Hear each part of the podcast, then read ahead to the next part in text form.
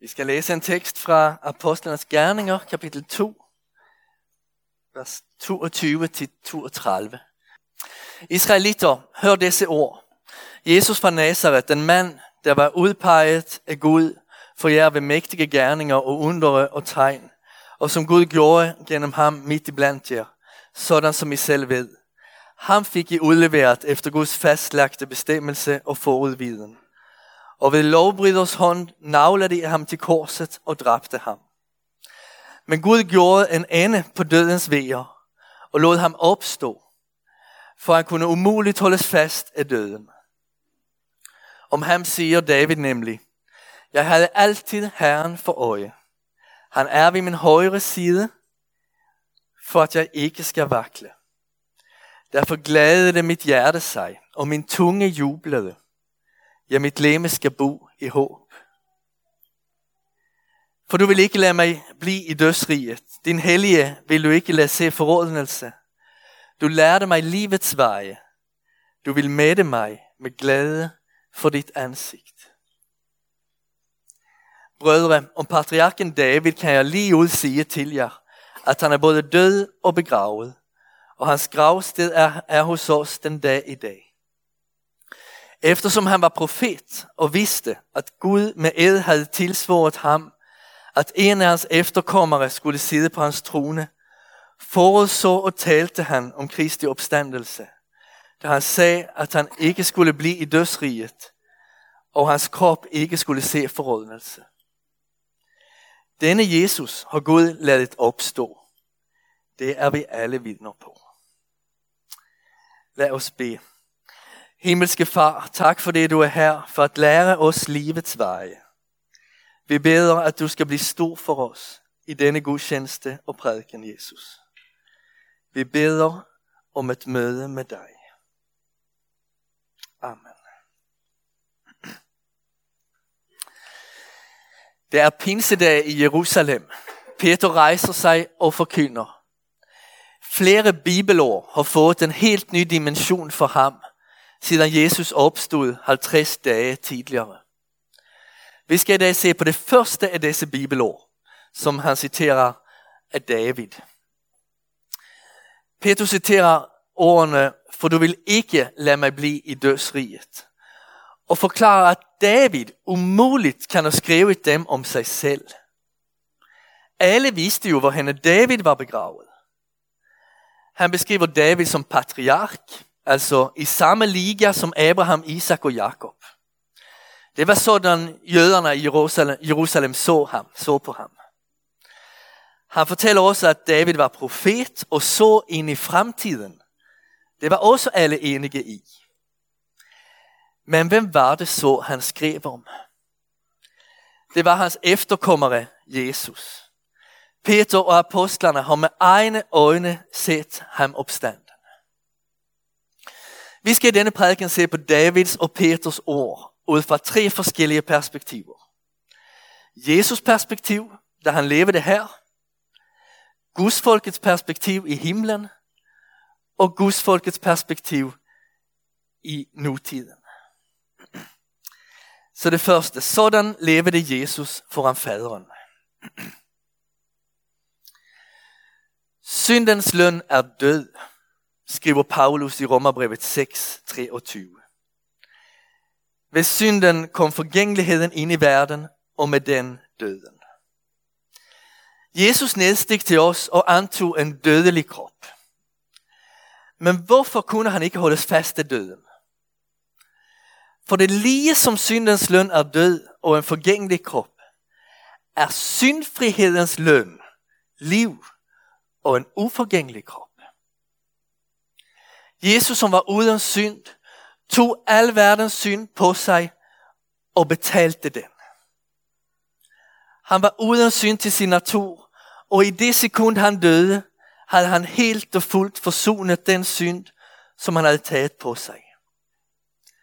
Synden var besejret, og med den døden. Han kunne umuligt holdes fast i døden.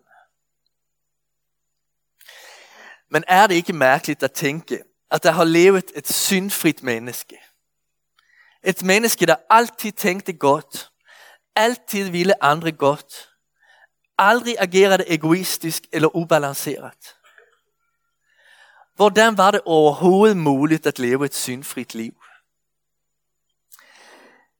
En del af svaret er vist nok, at Jesus ikke var født med arvesynd. Det vil sige med en falden natur. Han savnede den indre dragelse mod synd, som vi andre lever med. Til gengæld havde Jesus et enormt ydre tryk på sig. Når Satan angriber, angriber vores svagheder, behøver han, ikke an, behøver han ikke anstrenge sig alt for meget for at få os til fald. Vi har givet efter for synden før, og har mistet meget af vores modstandskraft. Men da verdens fyrste angreb Jesus, brugte han præcis alle midler, han havde mulighed for. Han prøvede med hverdag, hverdagslige fristelser. Han prøvede med lidelse. Han prøvede med mennesker, der afviste og misforstod Jesus. Han prøvede med alt, der kan gøre et menneske skuffet, hævnlystet og bittert. Vi vil aldrig forstå det angreb, som Jesus stod imod. Men han gjorde det. Han forblev hellig. Forklaringen til hvordan giver David. Jesus havde altid Herren for øje. Til og med da han var sulten og udmattet i ørkenen, og Satan fristede ham intensivt, så han op til faderen. Han stolede på Herren. Han er ved min højre side, for at jeg ikke skal vakle. Så fokuseret på Gud har sønnen været i evighed. Der er en fantastisk bibelvers i Johannes evangeliet 17, vers 24, hvor Jesus vender sig mod faderen og siger, Du har elsket mig, før verden blev grundlagt. Inde i treenigheden er der en kærlighedsrelation. Det er helt unikt for Bibelens Gud. Den finder vi ikke i islam. Vi finder den i ingen andre religioner. Der har været kærlighed siden evighed. Du har elsket mig før verden blev grundlagt. Når Jesus har faderen for øje og fornemmer faderen ved sin højre side, springer en jubel frem inde fra ham. Derfor glædede mit hjerte sig, og min tunge jublede. I gamle dage brugte man kropsdelen for at sætte ord på oplevelsen. Vi finder det også i en del, øh, del vækkelsesange og ældre sange. I dag siger vi ikke til hinanden, hvor er det dejligt at se din, din jublende tunge i dag. Men, den, men, men, men oplevelsen og følelsen, den kender vi. Den glæde kender vi. Og Jesus var ingen trist og tungsindig person. Han var fuld af glæde og jubel. Jeg tror vi nogle gange behøver justere vores billede af Jesus. Jeg tror vi har en, måske en lidt for dyster Jesus indimellem. Evangelisten Lukas beskriver, hvordan Jesus jublede i helgen. Helt sikkert bidrog Jesus glæde til at så mange søgte sig til ham. Der var en glæde i hans liv, som det kunne mærke, og som smittede. Også da Jesus tænkte på fremtiden, jublede han. Han vidste, at lidelse ventede. Men også lidelsens veje var livets veje. Vejene til opstandelse og nyt liv for hele skabelsen. Midt i alt kunne Jesus derfor mærke en hvile i hele sin krop, da han tænkte på det, der ventede ham. Mit leme skal bo i håb, siger han. Jesus havde Herren for øje, og i det blik mættedes han med glæde. Det var den første del. Sådan levede Jesus foran faderen, når han var her på jorden. Sådan skal vi leve i himlen. Det er den anden del. Det hellige liv, som Jesus levede, begynder her og nu ved troen. Vi skal straks se på det. Men lad os først se på målet for livet i Gud. For helliggørelsens liv. En dag skal vi helt konkret opleve, hvad vi beskriver her. Det første vi skal opleve er Guds konkrete nærvær. Vi skal sige, jeg har altid Herren for øje. Han er ved min højre side. I en eller anden forstand skal vi skue Gud, se ham påtageligt. Vi skal have oplevelsen at, at være helt og fuldt elsket, helt og fuldt set af Gud. En studerende, som jeg mødtes med i en samtalegruppe, havde tænkt en del over det her. Og nået til konklusionen, at den oplevelse vil strække sig til det mest monotone, hverdagslige oplevelser og opgaver. Hvor vi underligt at stå her og vaske op, og samtidig føle sig helt elsket af Gud. Det var hans billede af himlen. Med, med Herren på vores højre side skal vi også opleve fuldstændig tryghed. Og vi ved alle, hvad tryghed betyder for os. I vores familie er afleveringen i vuggestuen hver morgen lige nu en påmindelse om det. Hvis vores søn kunne tale, så ville han sige til os, jeg ved godt, at her er en god personalegruppe, andre børn at lege med, sjovt legetøj, god mad og alt, hvad et børn kan ønske. Men når I går, føler jeg mig bare ikke tryg her nu. Og når jeg ikke er tryg, kan jeg ikke være i mig selv. Også som voksne oplever vi utryghed og redsel. Hvis himlen ikke var et trygt sted at være, ville det være ulideligt. Men det er trygt. I himlen skal vi endelig opleve fuld tryghed. Vi skal være elskede af Gud, trygge i hans nærhed. Han er på vår højre side. Ved vår højre side.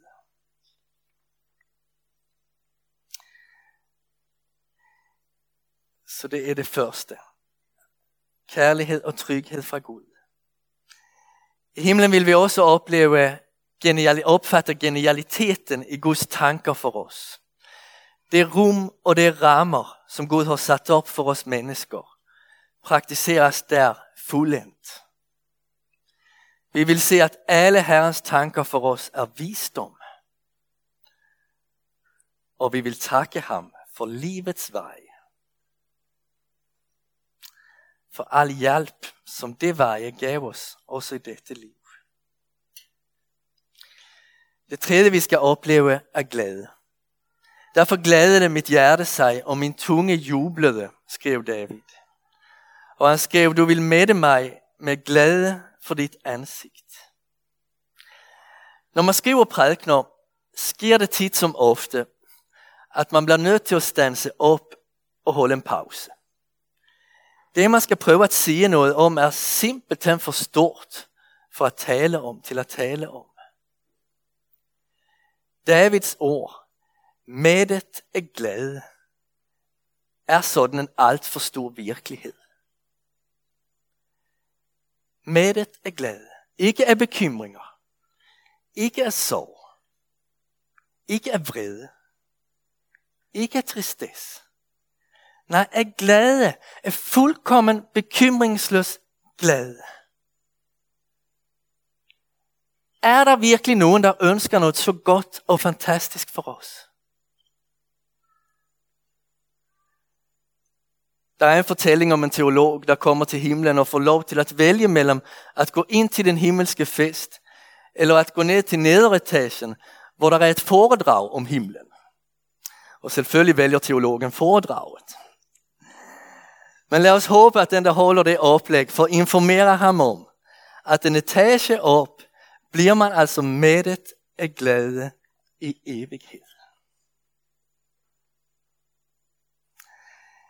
I himlen skal vi opleve Guds kærlighed og tryghed. Vi skal opleve hans kloge veje for os. Veje, der leder til livet.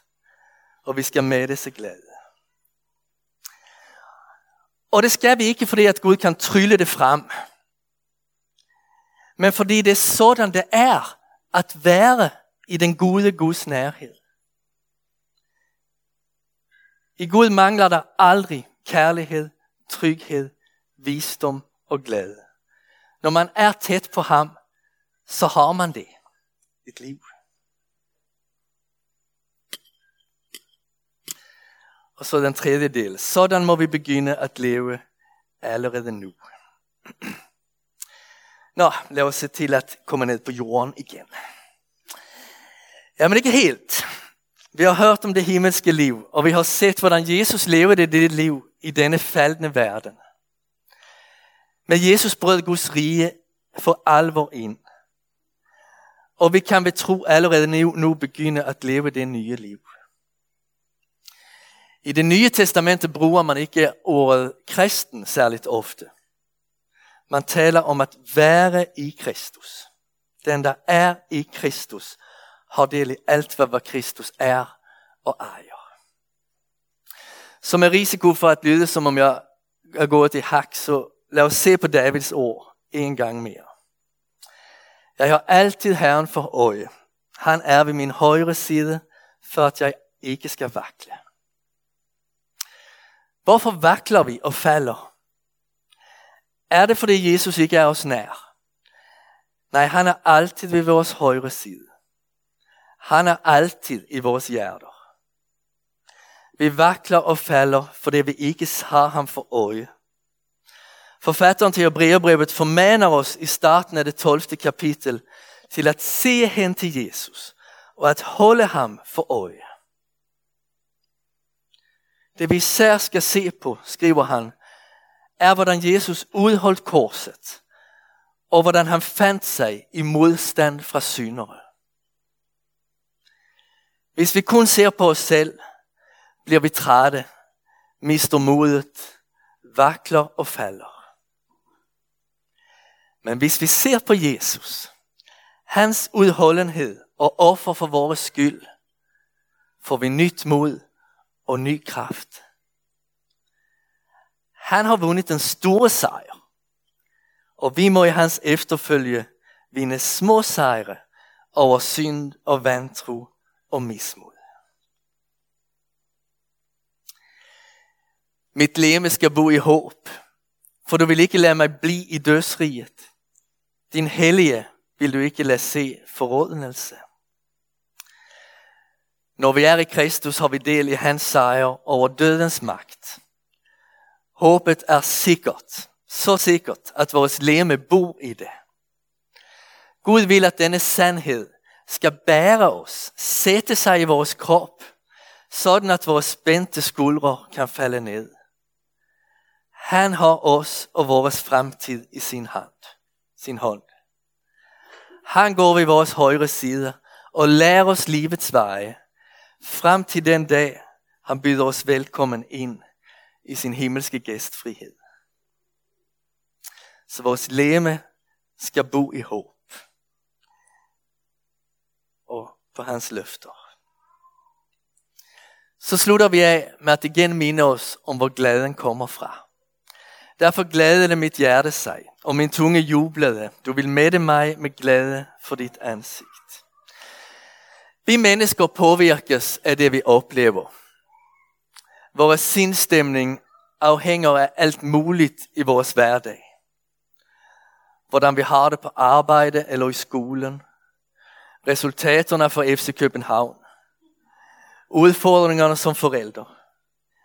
Været og hvornår vi sidst spiste relationen til naboerne, vores helbred, hvad vi tror, at andre tænker om os, vores minder og drømme, ja, er så mange ting. Alt dette har lov til at have sin plads. Men om det er det hele, om det er alt, der afgør, hvordan vi tænker om livet, har vi misset det vigtigste. Både vækkelsesange og moderne lovsange siger det samme. Lad ikke det jordiske få lov til at fylde det hele. Lad Kristus lyse i dit sind. Line Sandel synger det i en sang, at hvor Kristus får lov til at lyse ind, får du et andet sind. Du får et andet sind. Vær ærlig med livets mørke, men husk også, at undre dig over Guds nåde i Kristus, og at lovprise ham for den. Herrens troskab, Herrens troskab er ikke hørt op. Hans barmhjertighed er ikke forbi. Den er ny hver morgen. Din trofasthed er stor. Læser vi i klagesangene 3. Jeg tror, at vi alle har oplevet at starte dagen med at miste eller ikke kunne finde noget, som er dyrebart for os. At starte dagen med ikke at kunne finde mobilen med betalingskortene kan gøre hvem som helst desperat. Man søger og søger, tænker over, hvor man senest har været, og man er helt fortvivlet. Det der kender vi. Men når der så et stykke ind på formiddagen ringer en, der har fundet den, så er det som om hele dagen er reddet. Nu kan næsten hvad som helst ske. Man bliver alligevel ved med at være ledet og glad resten af dagen. Det er den holdning, som Bibelens forfatter og den kristne sangtradition minder os om. Husk hver dag, at du har fået Jesus og alle hans velgærninger som gave. Det løser ikke alle dine problemer her og nu. Men midt i alt får du lov at lade det lyse i dit sind. Derfor glædede mit hjerte sig, og min tunge jublede. Du vil mætte mig med glæde for dit ansigt. Amen. Herre, vi beder bare om én ting. At i liv og død få lov til at være i din nærhed. Gør os trygge i din kærlighed og jublende over din nåde. Lad os altid have dig for øje.